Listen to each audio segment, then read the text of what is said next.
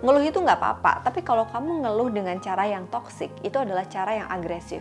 Jadi misalnya nih, kamu lagi disuruh kerja gitu kan sama atasan kamu, terus kemudian kamu kayak nggak memberikan sikap menyenangkan di depan atasanmu maupun di depan teman-temanmu. Nih kan aku harus lembur kan sambil marah-marah gitu. Terus kayak yang yang kesel lagi adalah ketika kamu memberikan um, bad influence untuk teman-teman kerja kamu yang sebenarnya lagi nggak lembur gitu. Jadi akhirnya mereka juga ikut kesel sama kantor kamu. Pasti pernah dong kita mengalami situasi yang tidak menyenangkan dan membuat kita jadi mengeluh. Assalamualaikum teman-teman semuanya, Analisa Channel. Di episode kali ini aku akan ngebahas tentang kebiasaan mengeluh. Boleh nggak sih kita mengeluh? Katanya di psikologi kita harus bisa mengekspresikan perasaan kita. Tapi satu sisi kesel juga ya kalau ada orang yang ngeluh terus tentang perasaan dia. Nah, tentu uh, dalam situasi belakangan banyak hal yang berubah yang membuat kita jadi ngerasa kayak nggak nyaman. Jadi akhirnya secara otomatis kita sambat atau mengeluh. Sambat itu dari bahasa Jawa ya. Tapi aku punya filosofi sambat itu nggak apa-apa, yang penting tetap semangat. Karena menurut seorang profesor dari um, psikologi yaitu Clemson di Clemson University, Robin uh, Wolski menceritakan dalam jurnalnya, menuliskan dalam jurnalnya bahwa sebenarnya kebiasaan mengeluh tuh kayak kebiasaan manusia bernafas. Jadi walaupun nggak sesering itu sih, tapi itu adalah sebuah refleks yang otomatis.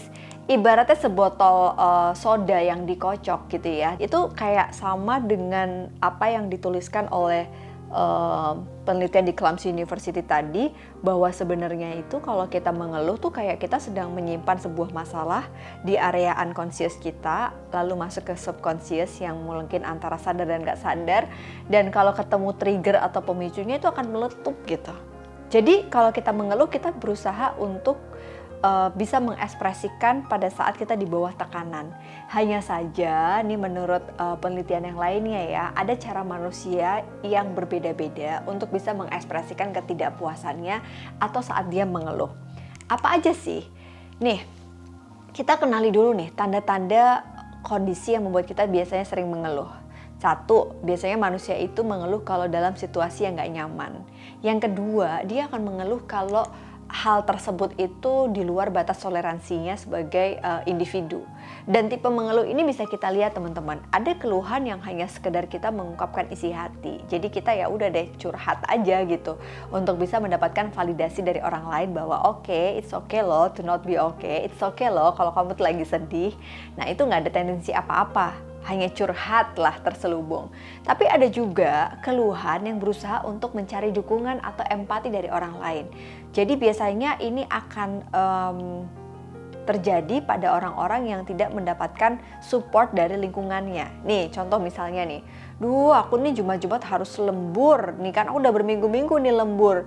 Jadi akhirnya ketika kita lagi ngomong ke teman kita di tempat kerja gitu ya, itu tuh kayak ada orang yang bilang ya ampun kasihan banget sih kamu sabar ya uh, aku tahu banget tuh pasti nggak enak ya kerja kayak gitu. Nah pada saat kita mendapatkan empati tuh kayak kita jadi lebih happy gitu. Itu tipe keluhan kedua. Nah, ada juga tipe keluhan yang dilakukan secara sarkasme. Ini nih yang paling toksik nih. Jadi hati-hati teman-teman. Ngeluh itu nggak apa-apa, tapi kalau kamu ngeluh dengan cara yang toksik, itu adalah cara yang agresif. Jadi misalnya nih, kamu lagi disuruh kerja gitu kan sama atasan kamu, terus kemudian kamu kayak nggak memberikan sikap menyenangkan di depan atasanmu maupun di depan teman-temanmu. Nih kan aku harus lembur kan sambil marah-marah gitu. Terus kayak yang yang kesel lagi adalah ketika kamu memberikan um, bad influence untuk teman-teman kerja kamu yang sebenarnya lagi nggak lembur gitu. Jadi akhirnya mereka juga ikut kesel sama kantor kamu. Nah itu bisa kita lihat nih tempat dan kondisinya. Nah ada juga yang kita ngeluh tapi sambil dikerjain. Jadi kalau yang tadi ini ya sarkasme ini tuh kayak dia bisa mulai uh, memunculkan ekspresi-ekspresi kebencian yang disertai dengan perilaku agresif. Ini kalau yang keluhan berikutnya ini adalah keluhan yang dia tuh nggak agresif sama sekali, dia tetap ngerjain, duh aku harus lembur ya gitu kan. Terus dia nggak minta dukungan, bahkan nggak ada orang lain di sekitar dia, dia cuma kayak ngeluh sambil ngerjain gitu. Itu ada juga loh orang yang begitu. Nah kamu termasuk tipe keluhan yang mana nih yang biasanya cukup sering kamu lakukan seperti orang bernafas? Ada pro kontra sih ketika kita melampiaskan kekesalan kita dengan cara mengeluh. Kalau kalau positifnya sih tentu ya kita bisa menumbuhkan uh, validasi emosi kita dengan lebih mudah. Kita juga bisa mengurangi stres, kemudian kita juga membuat uh, jadi lebih baik karena kita jadi sadar apa yang harus kita perbaiki atau apa yang kita simpan sendiri itu nggak menjadi soda yang akan meledak tadi gitu ya. Dan membuat kita jadi mendengarkan apa yang diinginkan oleh diri sendiri. Itu pro-nya. Kontranya mengeluh itu justru akan memperkuat ego kita dengan mengorbankan uh, orang lain. Contoh kalau kita mengeluh dengan sarkasme tadi, bukannya menghubungkan orang lain, tapi kita justru jadi kayak membuat mereka itu terpisah dengan apa yang kita keluhkan kalau kamu di kantor, ketika kamu mengeluh tentang pekerjaanmu, sebenarnya kamu punya opsi take it or leave it.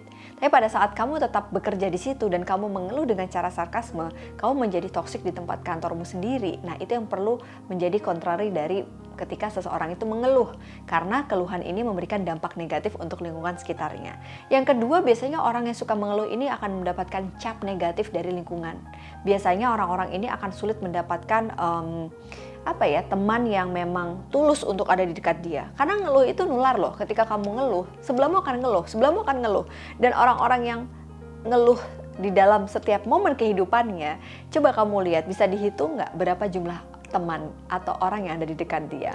Karena otak manusia itu bisa disetting teman-teman, bisa diset, bisa disetel gitu kan. Jadi kalau kita dekat sama orang yang berfokus dengan hal-hal negatif, kita juga akan ketarik loh. Tapi kalau kita biasanya mengeluh dengan cara yang baik, dengan cara yang positif, ini akan kita uh, ketemu juga sama orang-orang yang sama gitu. Terus masalahnya Mbak, kalau misalnya kita pengen mengeluh dengan cara lebih tepat, apa yang harus kita lakukan? Satu nih teman-teman, seleksi dulu. Bersikaplah selektif untuk bisa tahu kapan kita bisa mengeluh dengan tepat. Kalau misalnya di tempat kerja dan ketika kita mengeluh itu kita mendapatkan sebuah manfaat dengan waktu yang tepat, dengan orang yang tepat, silahkan. Tapi kalau jatuhnya itu tidak membuat hidupmu lebih baik, ngapain sih harus kita mengeluhkan gitu. Yang kedua, kita bisa um, melihat dari perspektif yang berbeda. Kalau kita curhat ke orang lain atau mendengarkan curhat orang lain yang mengeluh juga, coba cari angle yang berbeda. Atau kalau kamu curhat sama orang lain, bukan minta didukung, tapi minta diberi masukan dengan perspektif yang berbeda. Di situ kamu akan lebih terbuka tentang keluhanmu. Apakah keluhanmu itu memang penting untuk kamu sampaikan atau hanya saja sebagai manusia yang selalu berusaha mencari kenyamanan? Nah, pertimbangkan kepada siapa kita mengeluh itu juga penting dan dengan media apa.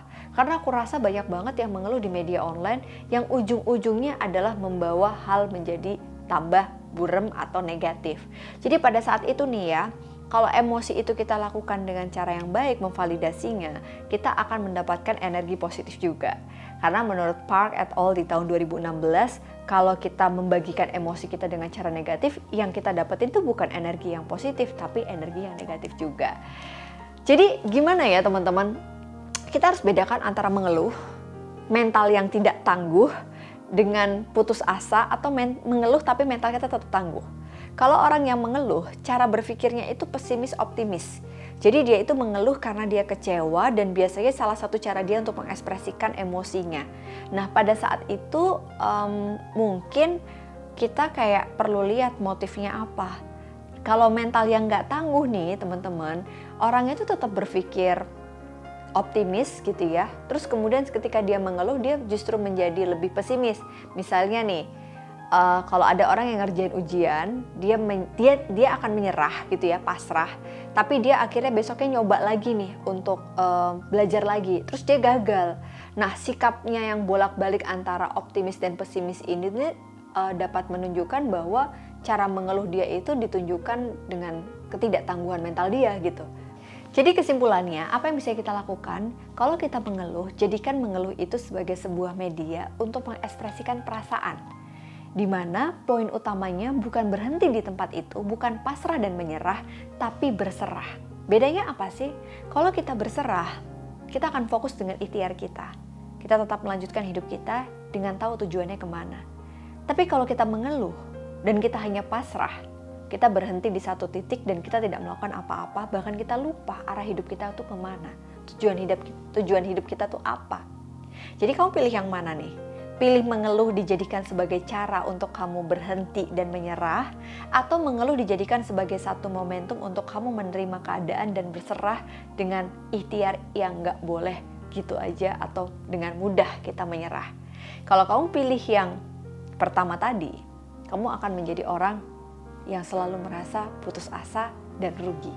Tapi kalau kamu memilih yang kedua, berserah, artinya kamu jadikan mengeluh itu sebagai momentum kamu untuk merefleksikan lagi.